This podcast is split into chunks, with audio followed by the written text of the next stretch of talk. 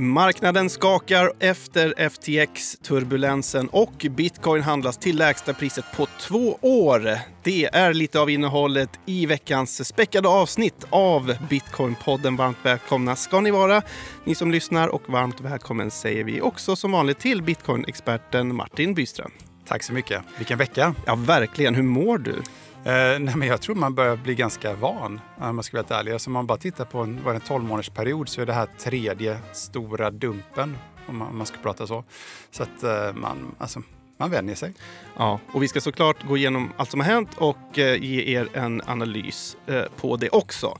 Eh, idag så gästas vi av eh, bitcoinutbildaren Björn Tisjö, eh, känd från Bitcoinpodden avsnitt 53. Stämmer bra. Mm. Eh, Så han kommer hit och pratar om eh, en bok som han har översatt som är The Bitcoin Standards. Han har översatt den med, tillsammans med ett annat gäng. Just det, det är en ganska känd eh, bok inom bitcoinvärlden får man säga. Ja, alltså man brukar väl säga att man, om man verkligen vill förstå bitcoin eller få en bra inblick eller bara ett, liksom ett första ehm, eh, ja, inblick så, så, så är det en bra bok att läsa. Ehm, Så Mm. vi, vi kommer prata mer om det med Björn sen. Vi är den här veckan sponsrade av trading communityt Auger. Eller hur Martin? Ja, och det är vi ju varje vecka. Och eh, nu, speciellt nu när det är så volatilt, det är då man egentligen vill trada. Så att vill man bli bättre på det så kan man signa upp på auger.se och om man skriver in våran eh, kod Bitcoinpodden så får man ett traderabonnemang för 99 kronor första månaden istället för 899 kronor. Mm. Auger.se är adressen dit och vi lägger också en länk till det här erbjudandet i avsnittsbeskrivningen av podden.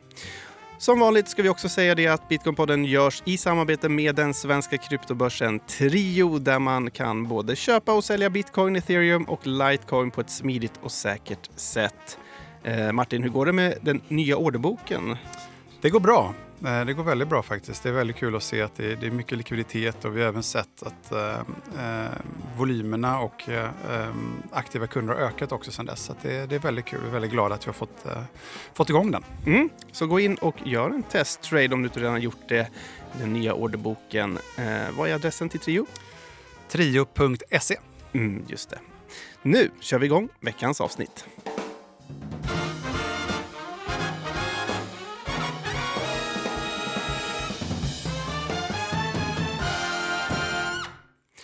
Bitcoinpriset har varit ovanligt volatilt den här veckan. Faktum är att kursen har varit nere på den lägsta nivån på två år.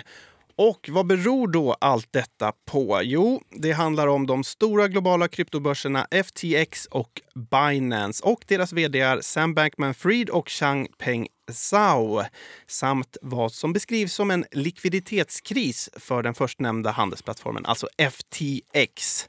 Eh, allt eh, startade egentligen i början av månaden när eh, kryptonyhetssajten Coindesk avslöjade att stora delar av balansräkningen för Bankman-Frieds handelshus Alameda Research det består av kryptovalutan FTT, alltså den inhemska token som finns på FTX.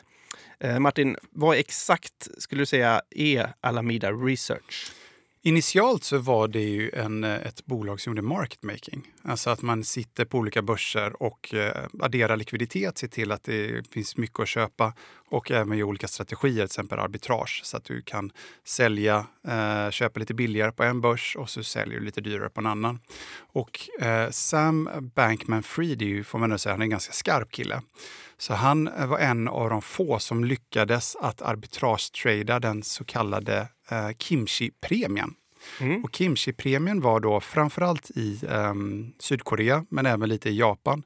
Eh, för där är det mycket svårare att få in och ut pengar ur ehm, landet.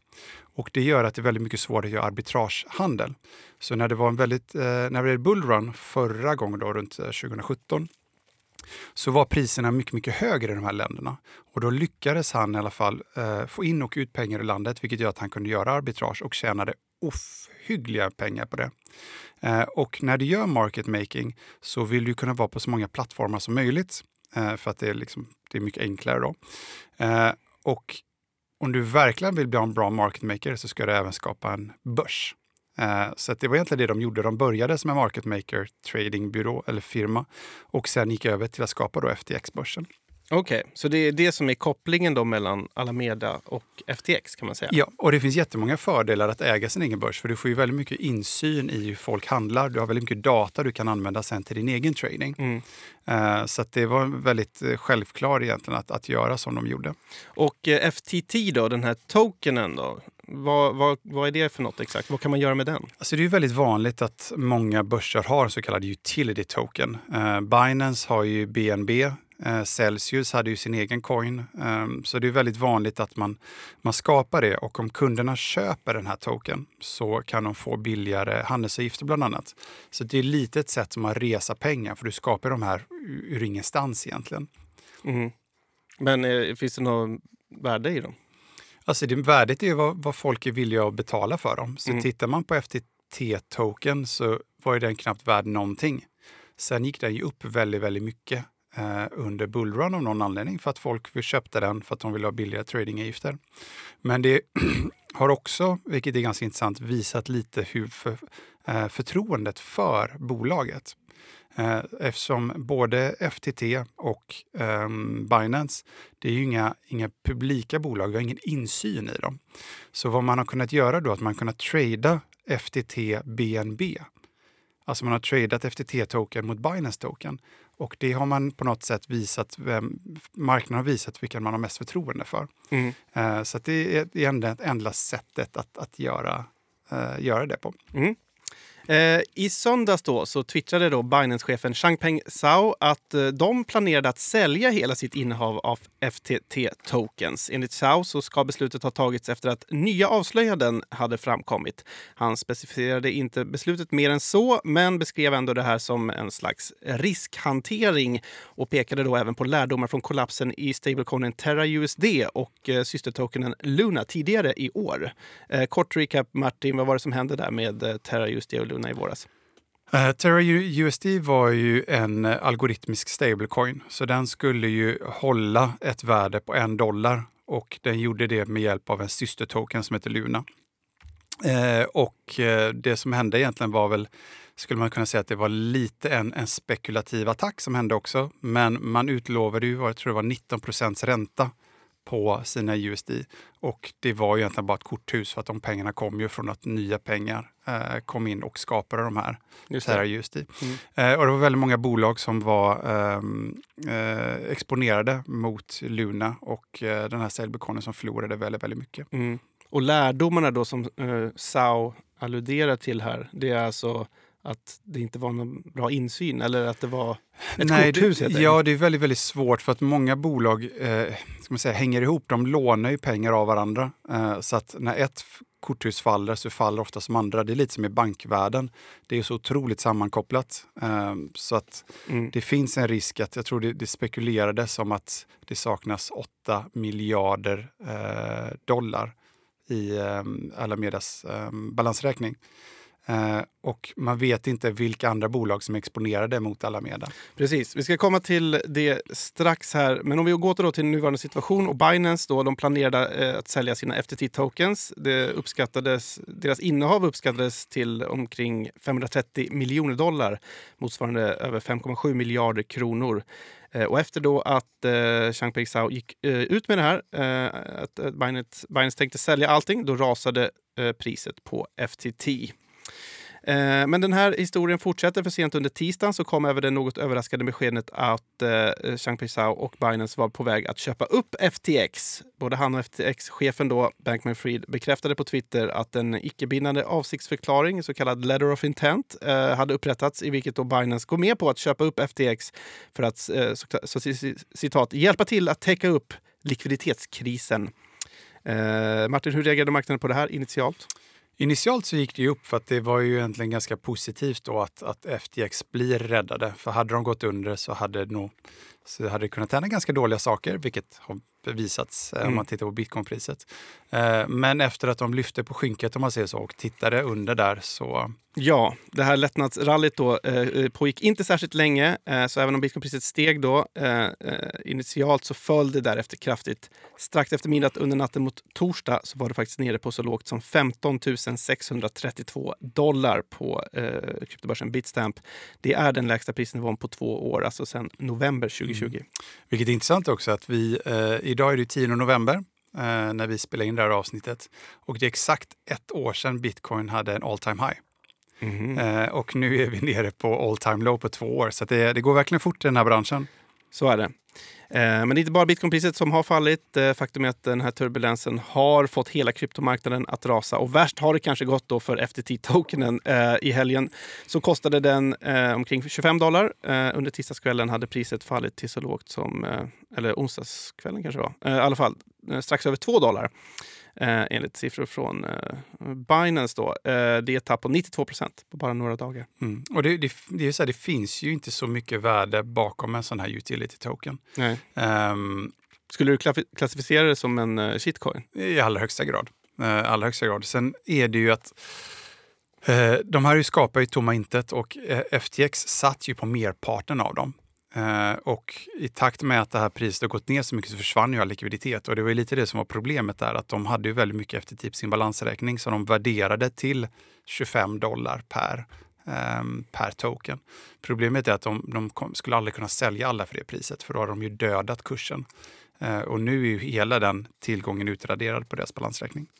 Ja, under onsdagen då så kom då den senaste vändningen eh, i den här historien, nämligen då nyheterna om att Binance drar sig ur affären eh, eh när de meddelade att de inte tänker köpa FTX. Efter en så kallad due diligence, på svenska kanske företagsbesiktning, eh, så meddelade man då helt enkelt att man hittat eh, bevis för att kundmedel inte har hanterats eh, korrekt, men också påstådda utredningar mot FTX av amerikanska eh, myndigheter. Om du får ta ett helhetsgrepp då på vad är det som har hänt här. Vad är din teori om vad som har hänt FTX och Alameda? Min största, min största teori, men, men det, det som ryktena som går är att Alameda har eh, tradat med kundmedel från FTX. Vilket är en big no-no. Man, man ska inte göra det. Eh, men, och att de imploderade egentligen i våras. Precis som alla andra som Celsius och Freer Capital.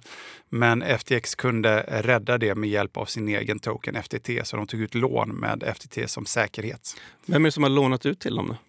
Det vet man inte heller. Det, det finns alltid, med, till rätt ränta och så finns det alltid någon som kan tänka sig att låna ut. Eh, men nu då när eh, det har kommit fram till att merparten av deras balansräkning, att de inte är insolventa beror på att de har så mycket egna FTT som de har värderat till rådande marknadspris. Så eh, fick ju marknaden lite panik och nu då när säkerheten till de här lånen är värda noll så vill nog eh, de som lånat ut pengarna få tillbaka dem, men det kommer de troligtvis inte få. Och då går ju bolaget under för att eh, skulderna är större än tillgångarna och ditt egna kapital är förbrukat. Är, du ser, är du det som du ser kommer hända här framöver? Att FTX, som jag tror är den sjunde största kryptobörsen i världen, nu kommer att gå under? Eh, Jag tror till och med de är ännu större. Alltså det, man kan ju mäta börser på olika sätt, alltså antal kunder och handelsvolym. Och, och det jag har sett på ren handelsvolym så är de nummer två eller tre. Binance är ju störst och sen Coinbase och förmodligen FTX nu på sistone har varit tredje största börs. Mhm. Eh, och problemet jag ser att det, det är ju ett förtroende kris ska vi inte säga, men det, Likviditetskris åtminstone. Ja, det, men det, det är inte så bra för, eh, för liksom ryktet om branschen. Att det, att det är verkligen en, en vilda västern. Liksom. Det är ett gäng cowboys som sitter och, och driver de här börserna och tar otroligt mycket risk. Eh, och det här kan ju tyvärr ge politiker lite eh, mer eh, möjligheter att reglera det ännu hårdare. Tyvärr. Mm. Men hur kommer det gå för FTX här då? Men om de inte lyckas hitta nya finansiärer som kan gå in och täcka det här hålet eh, så blir det en konkurs. Och du nämnde tidigare att eh, precis som i eh, den vanliga finansvärlden med banker och så, så är de ganska sammankopplade på många olika sätt. Det är lån och staking Mm. hit och dit. Hur skulle det här... Liksom, det har ju redan fått en, eh, en Vi, påverkan på vi har redan marknaden. börjat se det. Eh, Men om att de verkligen helt går under, vad händer då? det. Det är svårt att spekulera i, men vi ser ju den anledningen till att bitcoinpriset har blivit så nedpressat nu på 24 eller 36 timmar är ju för troligtvis folk som har någon koppling till Alameda som har fått någon form av margin call och måste sälja. Eh, och då säljer man ju oftast bitcoin för det är det mest eh, likvida. Eh, sen är det ju nummer två som vi har pratat ganska mycket om här de senaste veckorna. Det är ju minor capitulation. Så våra kärna miners har ju det ännu tuffare nu när bitcoinpriset gått ner ännu mer, så de tjänar ju ännu mindre än vad de gjort innan. Ehm, så det kan hända att vissa går under Eh, eller bara helt enkelt stänger av sina maskiner och då går ju hashraten ner. Vilket, ska jag säga, det är inte hela världen, men det är ändå också det här förtroendet för marknaden. Så att man har ju trott att vi har varit i en eh, eh lite kryptovinter här under sommaren. Jag skulle nog säga att det var mer en, en kryptohöst och att nu kommer kryptovintern. Nu är det nog 12 månader av stiltje, skulle jag gissa. Eh, och så kanske det marknad, förtroendet för marknaden kommer tillbaka. Eh, men samtidigt, det här måste också hända för att bli av med de som man kallar på engelska då bad actor. Eh, och man, man hittar svagheterna i de här nya affärsområdena som har skapats i och med den här revolutionen med, med bitcoin och andra kryptovalutor. Men är urskakningen klar eller ska marknaden ner ännu mer tror du? Det, det är ingen som vet. Jag, jag, skulle, det skulle inte förvåna mig om vi går ner mer. Uh, jag, tror, jag ser ingenting som skulle handla upp kursen idag. Eh, men någonting som är positivt som har kommit ur det här är ju att många börser har kommit ut nu och sagt att de ska göra proof of reserve. Där alla som har eh, medel eller kryptovaluta eller bitcoin på en börs ska kunna se att de faktiskt finns hos börsen. Eh, så att de verkligen har ett ett till ett förhållande mellan vad kunder har satt in och vad, de faktiskt, vad börsen faktiskt sitter på.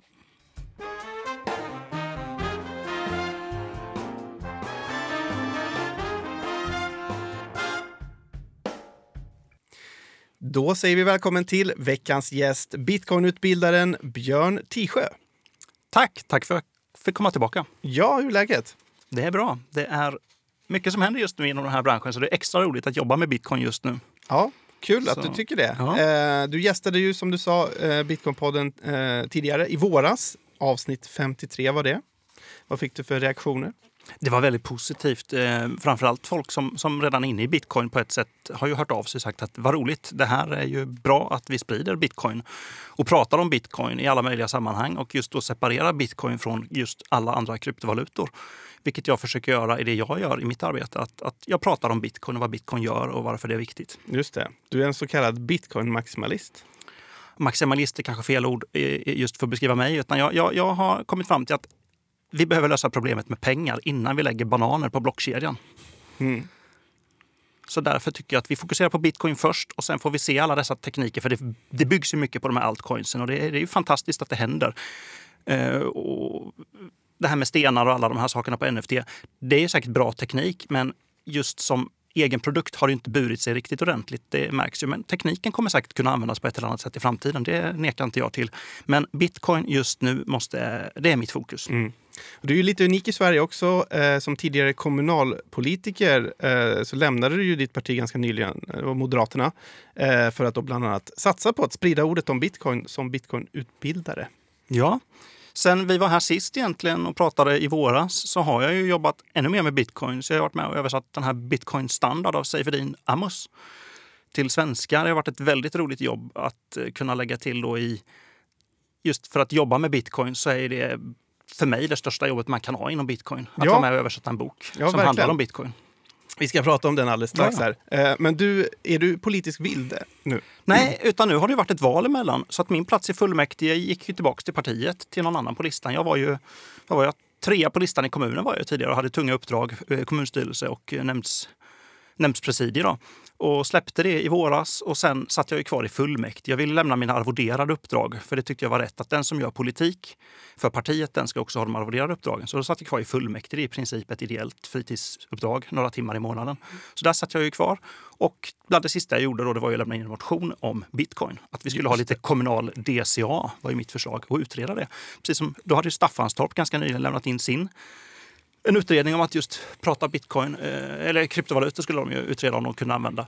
Och då tyckte jag att det här är ett bra sätt att lyfta medvetenheten kring bitcoin. Det sitter ju ändå 49 ledamöter i fullmäktige och vi har en kommunal organisation och de måste ju kontakta SKR och göra en utredning på detta. Så det ökar ju verkligen bitcoins medvetenhet tänkte jag. Så att även om jag visste att den förmodligen inte går igenom så Mm. Ska, det, ska det röstas snart eller? ja, den 22 november, så det är bara ett par veckor bort nu. Oj. Jag har ju sett beslutsförslaget och det är ju inte så att de hoppar jämfota och säger det här var det bästa förslaget vi läst. Utan det, förslaget är ju helt enkelt att den kommer att avslås. Ingen konsekvensanalys nu, ingenting behöver göras. Och så hänvisar man till en, eh, en utredning som någon Fiat-bank har gjort där det står att kryptovalutor saknar underliggande värde. Men kommunal D- DCR? DCA. DCA? B- Sa jag? ja, nej, jag sa fel. Ja. vad är det för något? Exakt. Vad, Ja. vad innebär det här Ja, men förslaget? DCA är ju det här dollar cost average. Så mitt förslag i motionen var ju att utav kommunens totala resultat så skulle 1 procent köpas bitcoin för. Men inte vid ett tillfälle utan vid 12 tillfällen under året. Okej, och syftet med det här var Att sprida ut köpen och minska riskerna. Alltså ha i kassan bara som tillgångsägande? Ja, alltså att vi har, alltså alla kommuner och alla, alla sådana här regioner, vi, där, där sitter man ju på pensionspengar man sitter på fonder. Man har ju haft, eh, ja, man, man har ju helt enkelt långsiktiga reserver uppbundet på börsen. Min kommun, vi hade ju ett väldigt stort överskott förra året och året innan och det var ju egentligen uppblåsta för att börsen gick ju bra, ja då blev kommunens resultat bra. Så förslaget var ju då att ja, men vi kan ju ha diversifiera lite grann och ta åtminstone 1 procent av kommunens pengar till någonting annat. Vad gör man med resten? Ska man dela ut det liksom i form av lägre skatter då eller? Hur menar du? Nej, men om, om kommunen har ett överskott, sparas det till Nej, men- nästkommande ja, ja, budget? visst, ja, visst. eller? Får kommunen ett överskott så är det ju spara i ladorna till sämre tider eller satsningar nästa år.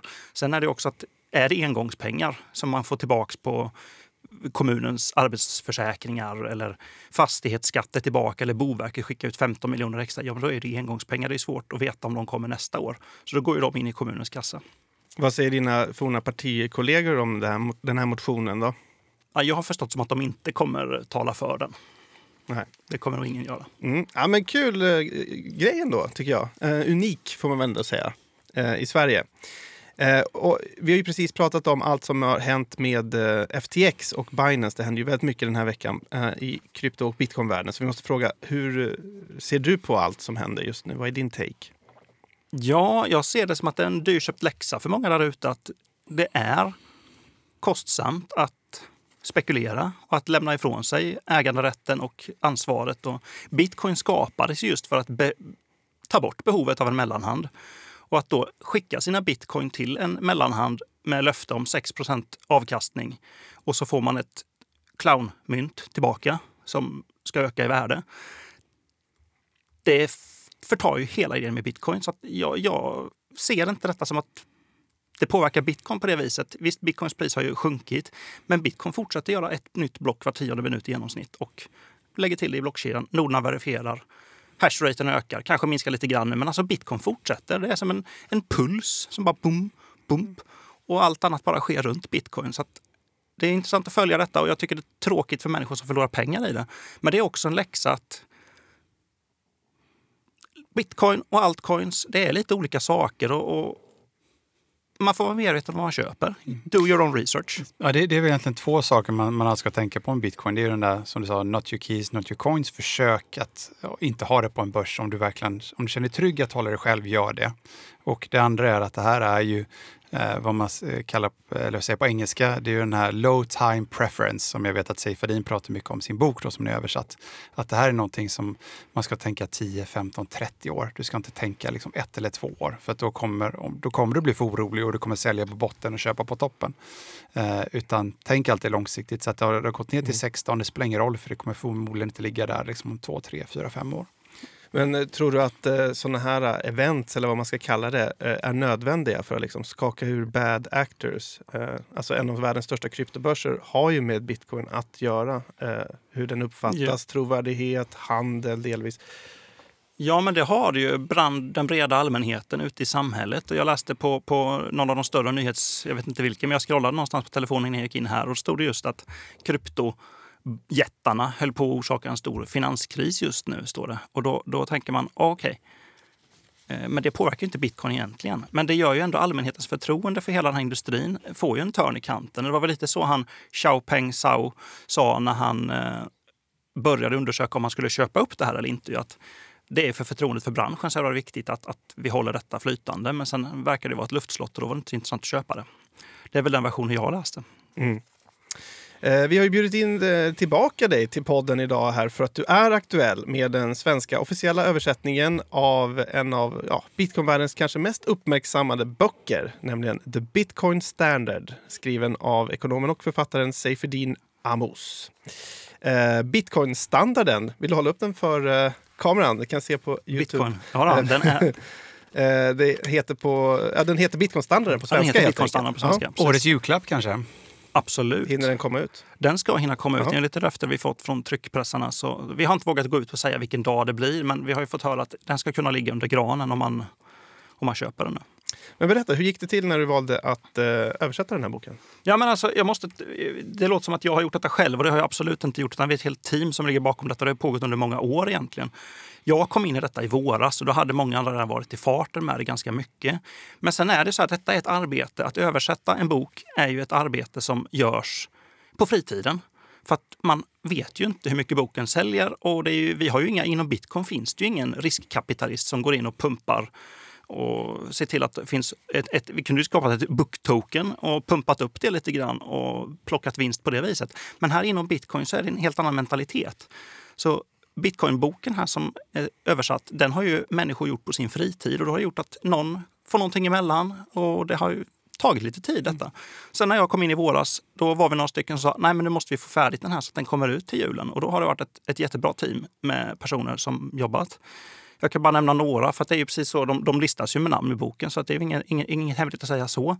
Men eh, vi har bland annat förordet är skrivet av Knut Svanholm. Det känner vi, det svenska förordet. Så det är kul att ha med honom på projektet också. Han har varit lite mentor åt oss i projektet. Sen Linnea Rosenbaum översatte ju lilla boken om bitcoin. Hon har också varit inblandad som både översättare och kulturläsare. Tidigare gäst i Bitcoinpodden, för Ja. övrigt båda de två. Fantastiskt bra människor. Alltså de, de har ju trovärdighet inom bitcoin. De, de kan mycket. Så det har varit jättebra att vi har haft med dem. Vi har en kille som heter Rickard, en som heter Stellan och en som heter Linus också. Sen hade vi flyt med, det kom in en i slut som heter Mattias Börjesson som jobbar med just bitcoin. Eh, inte bitcoin, men han jobbar med översättningar. Ja, Så det var ju jag, jag, tänkte fråga dig, för det är ju ganska svårt att översätta ändå. Det finns en hel profession kring det Ja. här. Eh, och eh, om det ska liksom bli riktigt bra så Google Translate funkar ju inte. Men det Eh, gör ju inte det. så hur, hur Ja, men det, det, var, det var det liksom? som var det fina. Att När vi tyckte att vi har kommit en bra bit i processen så kommer in en kille som jobbar med detta professionellt.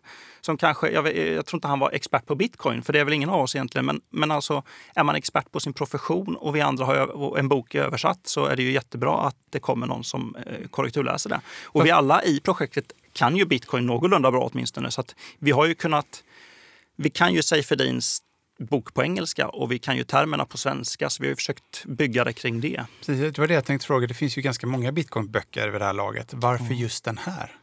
Ja, detta får ju anses som mästerverket. Alltså det är en klassiker. Eh, Jag vill ju påstå att det är en av världshistoriens viktigaste böcker. På 300 sidor sammanfattar Seifedin alltså kunskap som ekonomer med jättelånga akademiska bakgrunder egentligen inte de saknar den, eller de har inte kopplat ihop de trådarna som Seifedin pratar. Han bygger ju på Österrikiska ekonomiska skolan.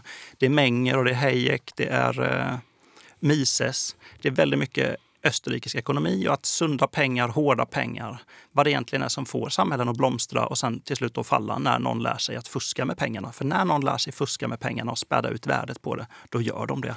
Visst är det så att de första nio kapitlerna så nämns inte ens ordet bitcoin, utan det handlar mer om liksom, eh, historien och vad som historiskt sett har fungerat som pengar och hur pengar kommer till på marknaden.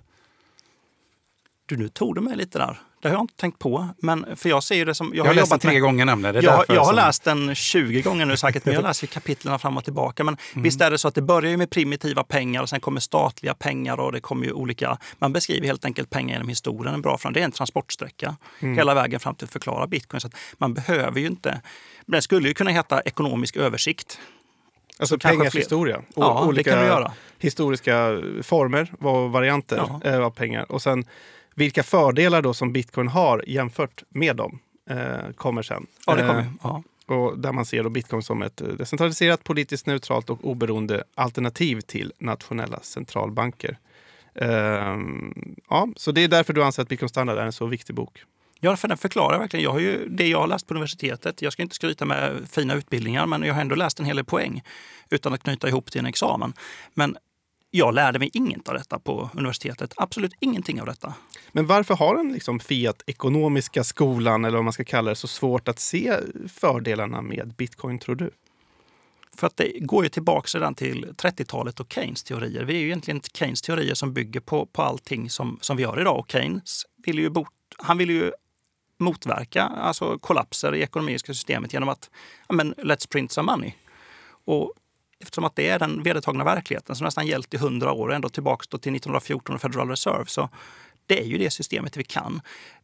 Riksbankens Nobelpris, eh, det här inofficiella, det delas ju ut till Fiat-ekonomer. Alltså det är ju den skolan som gäller. Mm. Och så är det monetaristerna och österrikiska, de, de får småbråka lite grann, men det är ju fortfarande Keynes. Alltså, det finns ingen ekonomisk debatt inom akademin som gör att de här frågorna med hårda pengar och varför de är viktiga, den kommer ju inte fram.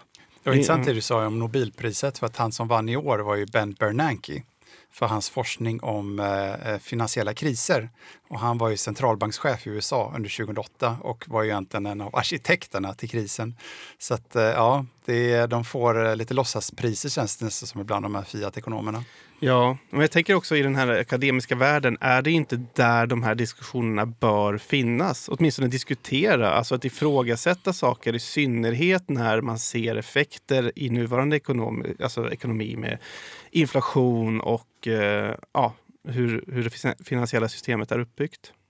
Men har man läst den här boken Bitcoin standard och läst på lite mer om bitcoin och kanske följer, följer några konton på Twitter om bitcoin så då är man ju inte förvånad att inflationen är hög just nu man är inte förvånad över det som sker heller. För mm. man förstår att när pengarna späs ut som de gör med inflation så försvinner ju människors köpkraft och allting blir dyrare. Det är den ökande och, penningmängden helt ja, enkelt. och det, det, beskriver ju de vanliga ekonomerna som att eh, de har ju jättemånga svåra ord för detta. Det är MMT och penningteori och M1 och M2 olika penningmängdsmått.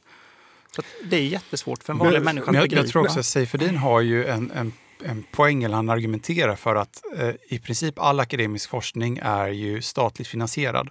Så att det finns en styrning av staten med vad de vill ska forskas om. Och det kanske inte är så intressant för staten att forska om just bitcoin eftersom det ändå är en konkurrent till de statligt utfärdade pengarna. Mm, ja, så kanske det kan vara. Eh, det vet man inte. Nej, men det, eh. det låter ju väldigt rimligt för... för um... Lite konspiratoriskt kanske. Men, ja, men eh, det är, alltså, man, jag vet inte hur många som känner till just um, uh, Seyfedin Amus som, är, som har skrivit den här boken. Han är ju väldigt aktiv på Twitter och han är ju en ganska kontroversiell person. Han, han är väldigt hård i sina åsikter. Han tror ju inte så mycket på klimatkrisen. Uh, um, han äter bara kött till exempel, så han är en ganska kontroversiell person i sig. Skulle du säga att han är en toxisk bitcoin-maximalist? Alltså jag, jag tänker inte sätta något epitet på honom, avsätta det själv, men han, han skulle nog kunna klassas som det av vissa. Absolut. Mm. Just det, jag tänkte fråga just det här med penningmängden ökande. Jag letar verkligen över när, när, när ekonomer och även medier försöker förklara anledningarna, orsakerna till inflationen. Eh, den ökande penningmängden den nämns väldigt sällan. Det är oftast andra saker som lyfts fram som orsak till inflationen. Jaha. Den ökade penningmängden som orsak till inflationen nämns mest av bitcoiners. Ja, men så är det. Har du upplevt det också? Ja, men det har absolut gjort. Det började redan förra året kan man väl säga med den här containern, skeppet som fastnade i kanalen. Det skapade ju höjda priser. Så att det är alltid någon annan sak som gör att, sakerna, att, att varor blir dyrare i samhället. Och det var ju viruspandemin och lockdown som gjorde att det var ett uppdämt behov som sen kom. Så att det finns ju så många förklaringar. Det är som att man tassar runt den här inflationselefanten mm. i rummet. Ja. Sen tycker jag inte, man ska inte bara säga att det bara är för att man räknar penningmängden, för det finns ju andra saker också som, som var en del av det. Men det man, kan ju i alla fall nämnas. Man, det som säger, man glömmer oftast den faktorn. Eh, och, eh, jag vet inte om ni läste det, Cervenka skrev en artikel i Aftonbladet här nu om att eh, Riksbanken är ju i princip bankrutt ju, för de köpte ju upp så jäkla mycket eh, obligationer under ehm, eh, krisen här nu för två, ja, ett och ett halvt år sedan.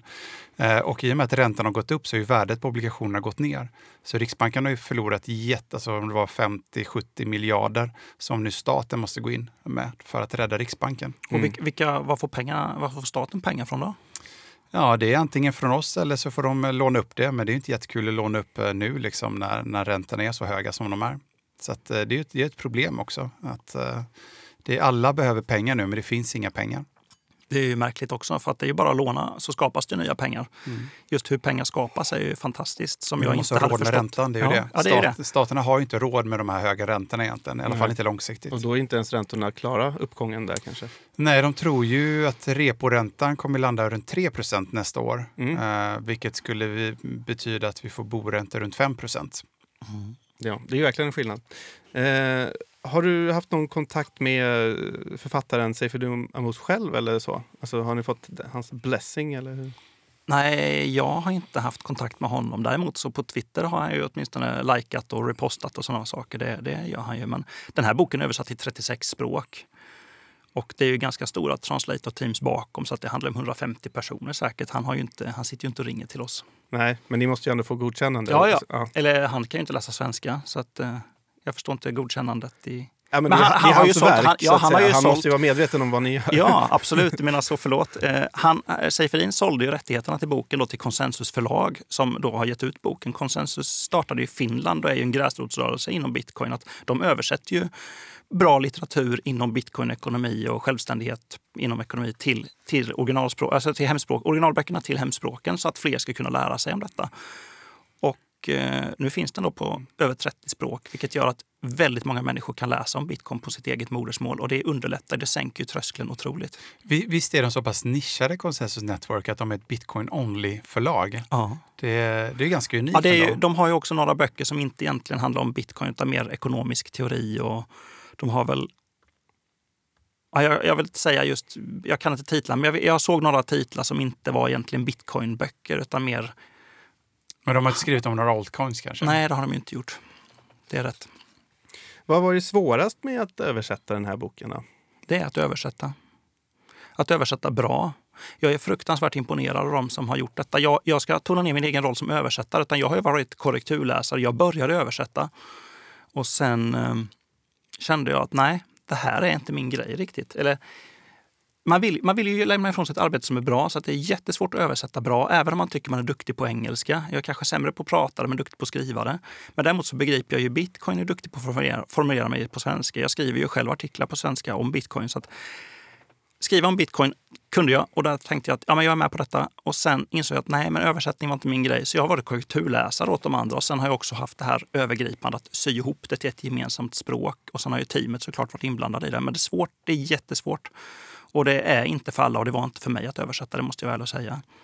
Det är ett fantastiskt bra team som har gjort mm. det här. Och du sa inledningsvis där Christian att, att översätta med Google Translate, det blir ju en helt annan grej. Och det har vi ju inte gjort någonting, utan här pratar man, du läser en sida på engelska, stycke för stycke försöker man formulera de här styckena, knacka ner dem till svenska som blir begripligt för sig. För har man läst boken på engelska så vet man att det är långa, krångliga meningar. Mm. Och vi ska ju tugga ner detta så att den breda massan i Sverige ska kunna läsa den här på svenska och faktiskt förstå vad den handlar om. Ja, inte, ska inte vara läst ej förstått. Mm. Nej, jag menar inte att ni har använt jag, Google Translate så. Nej, jag bara det, det ville förtydliga för Vi har ju översatt mm. äh, artiklar på Tree News och sådär. Och då kan man ju kanske ta stöd av Google Translate för vissa ord och sådär. Ja, men, men grejen är ju att som du säger, man behöver ju läsa, förstå och sen berätta själv på ja. sitt modersmål. För det är ja. då det blir ett bra språk, ja. flyt på språket. Så att säga. Jag antar att det behöver vara konsekvent också i översättningen. Ja. För att saker återkommer ju under boken och man kan ju inte översätta på olika sätt. Nej, det är väl lite där min roll sen blev först. Att de andra översatte väldigt mycket och sen var jag med och läste, kom med förslag. Och sen knöt jag då ihop boken nu i slutet här. Mm. För att få, det, man ska ju inte märka att vi är många översättare på den, utan det märker man på när man läser på framsidan där. Att, mm att vi är fem, sex stycken som har gjort detta. Då. Var det något ytterligare som du upptäckte i boken nu när du varit med och korrekturläst den mer grundligt? Och så här, du har sagt att du har läst den väldigt många gånger, men ibland så kan det vara saker man upptäcker på åttonde gången man läser ett verk. Eh, Snarare, alltså framförallt när du går igenom texten på det här sättet, snarare än när du bara läst igenom den. Ja, men jag får en helt annan förståelse. Alltså, även om jag har läst boken på engelska förut, nu när jag har läst den på svenska och jobbat med den på svenska så är det en helt alltså jag, jag tycker att det är en helt annan bok. Även om det är precis Seiferins andemeningar som kommer fram, så blir det som att läsa den på sitt eget språk som man talar flytande och kan många tusen fler ord på, det gör en helt annan upplevelse och förståelse för boken. Så har man läst den på engelska så vill jag ändå påstå att om du inte vill köpa den så låna den på biblioteket. Gå till ditt bibliotek och be dem ta hem den åtminstone. Så att den verkligen finns på alla biblioteken. Det vore en fin tjänst till bitcoin-communityt att, att, att boken finns på biblioteken. Så gå dit, beställ den, be dem ta hem den. Nej, men vad jag upptäckte i boken det är just han är ju rätt hård mot politiker och socialismen går han hårt åt och May, John Maynard Keynes. Men med all rätt också, för det är ju faktiskt det vi ser i samhället idag, det är ju konsekvenserna av centralplaneringen. Och det, han pratar väldigt mycket om centralplaneringens negativa effekter. Han pratar om tidspreferensen. Att systemet vi har idag gör att man tvingas leva, tänka kortsiktigt för att pengarna tappar ju sitt värde. Hade man bytt sin tid mot man byter sin tid mot pengar. Om pengarna hade hållit värde bättre över tid så skulle man ju kunna prioritera sin tid annorlunda. Nu måste man ju sätta sprätt på pengarna innan de tappar värde. Eller investera dem. Eller investera dem, ja, precis. Ja, ja, man kan ju också bli det. Börsen har ju snittavkastat 6-10 procent och inflationen 3 procent. Så att man måste investera dem eller sätta sprätt på dem via krediter. Eller jobba mer, få ett bra kreditscore så man kan ta större lån för att finansiera sin livsstil. Han pratar mycket om det. Han, han har fått mycket kritik också för det här kapitel 5 med konst och sånt. Att han sågar ju modern konst och han sågar musikindustrin. Och, men det är ju hans bok. Mm. Jag tror hans, hans, det, hans tes var att förr i tiden så var det mycket mer tid att göra konst. Man kunde mm. lägga flera år på vissa mm. saker. Ja, han skriver om Michelangelo som mm. hängde i kyrkan upp och ner och snickrade och skulpterade i 30 år och fick gikt av sitt trälande. Det är en fin dikt som är med i boken. Det var fantastiskt att läsa den på svenska nu. Så att, ja, det, det, det är en helt annan läsupplevelse att ha den här boken nu på svenska. Vad tror du skulle hända om den här boken blev obligatorisk läsning på ekonomiutbildningarna i landet? Ja, då skulle ekonomiutbildningarna i landet eh, halveras på några års sikt, tror jag. I, för de hade inte behövts på samma vis. Ju. Hela finansiella systemet bygger ju på att de här ekonomiutbildningarna lär ut om den ekonomiska skola vi har i samhället nu. Så att skulle vi gå över till en, en, den här bokens, skulle bli en läromedel på universiteten, på ekonomiskolan, så skulle det ge upphov till frågor som ställs som aldrig tidigare har ställts. Och det i sin tur leder till att sunda, fritänkande människor ändrar sitt beteende på ett eller annat sätt. Han har ju skrivit en till bok som heter The Fiat Standard. Ja. Vet ni om ni, den också kommer översättas till svenska? Finns det några sådana diskussioner? Jag, jag hoppas det, för att Konsensus har ju översatt den till eh, flera andra språk och jag hoppas att de har även rättigheter för Sverige. Mm. Eh, så det, det förutsätter Har du läst den, också? Jag har inte läst Nej. hela, ska jag säga. Jag har varit upptagen med den här boken mm. i stort sett. Ja, jag, jag har faktiskt läst eh, mm. hela, jag gjorde det under en semester i början på året. Och om man tycker att kapitel 5 är extremt så är hela den här boken ganska extrem. Han, han går igenom hela det finansiella systemet idag. Alltså hur, mm vi historiskt sett har gått från att vi började på en Fiat-standard där vi är idag. Eh, men han går också igenom hur Fiat-standarden har förstört vår, vår mat egentligen. Att vi äter mycket sämre mat idag. Mm. Så det är ganska mycket saker som man Alltså man behöver inte svälja allt med hull och hår för han är, han är ju väldigt kritisk väldigt mycket och ganska extrem i sina åsikter. Men det får ändå vakna till lite. Eh, vilket jag tyckte var intressant. Nej, men just det du säger med maten och, och eh, de bitarna har jag hört. Och han, Fiat Academia har jag läst några tweets av honom också och lyssnat på någon podcast.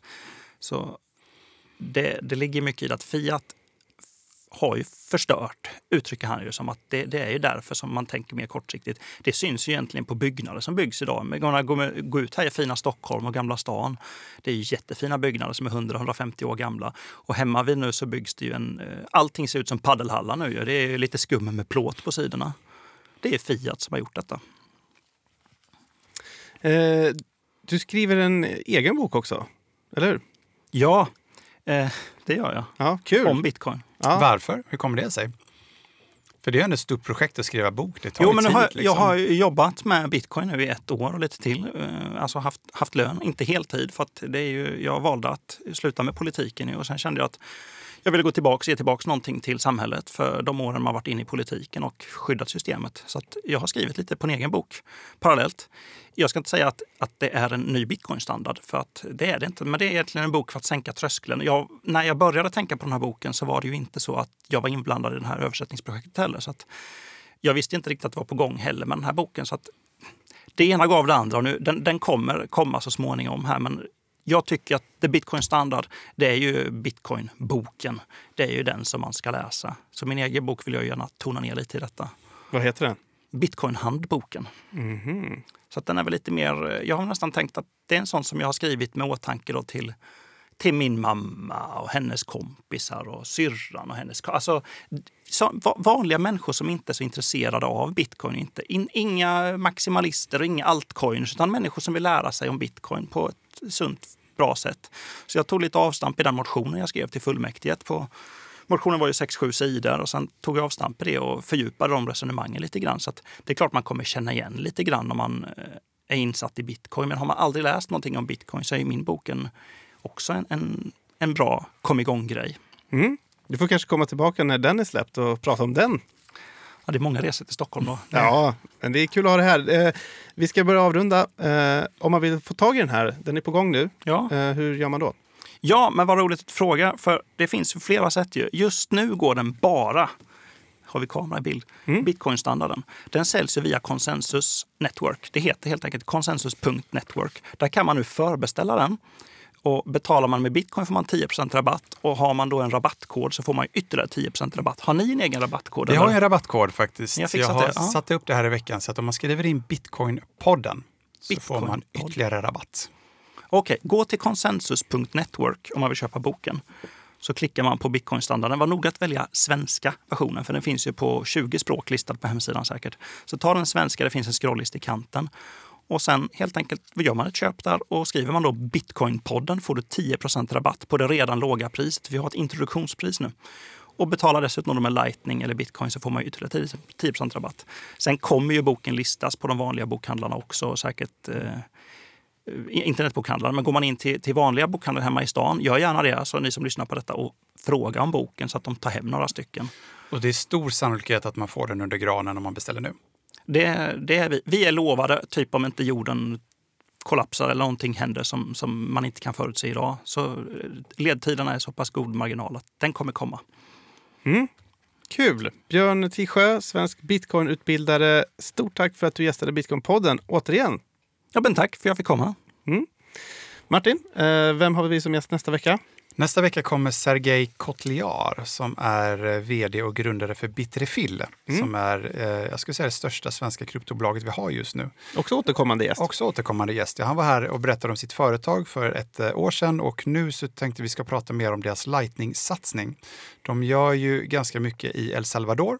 Ehm, och El Salvador har, försöker ju onboarda i princip hela sin befolkning på Lightning.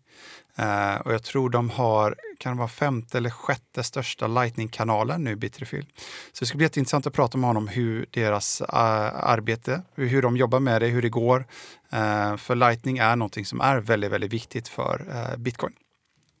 Eh, vi lanserade ju även en Discord-server för Trio eh, för ett tag sedan. Eh, hur går snacket där?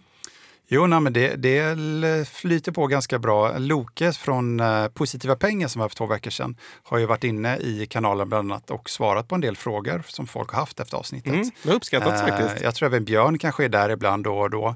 Så att, eh, Jag har tittat in några gånger. jag har tittat in några gånger. Så att om man kanske vill ställa frågor till Björn om boken så kanske han har möjlighet att svara där, på dem där. Och som sagt, vill man gå med i Eh, den här discorden så är det discord.gg trio. Ja, och glöm heller inte att följa oss på Instagram där vi heter Bitcoinpodden och prenumerera även på Trios Youtube-kanal. Nu tackar vi för oss och önskar en fortsatt trevlig vecka.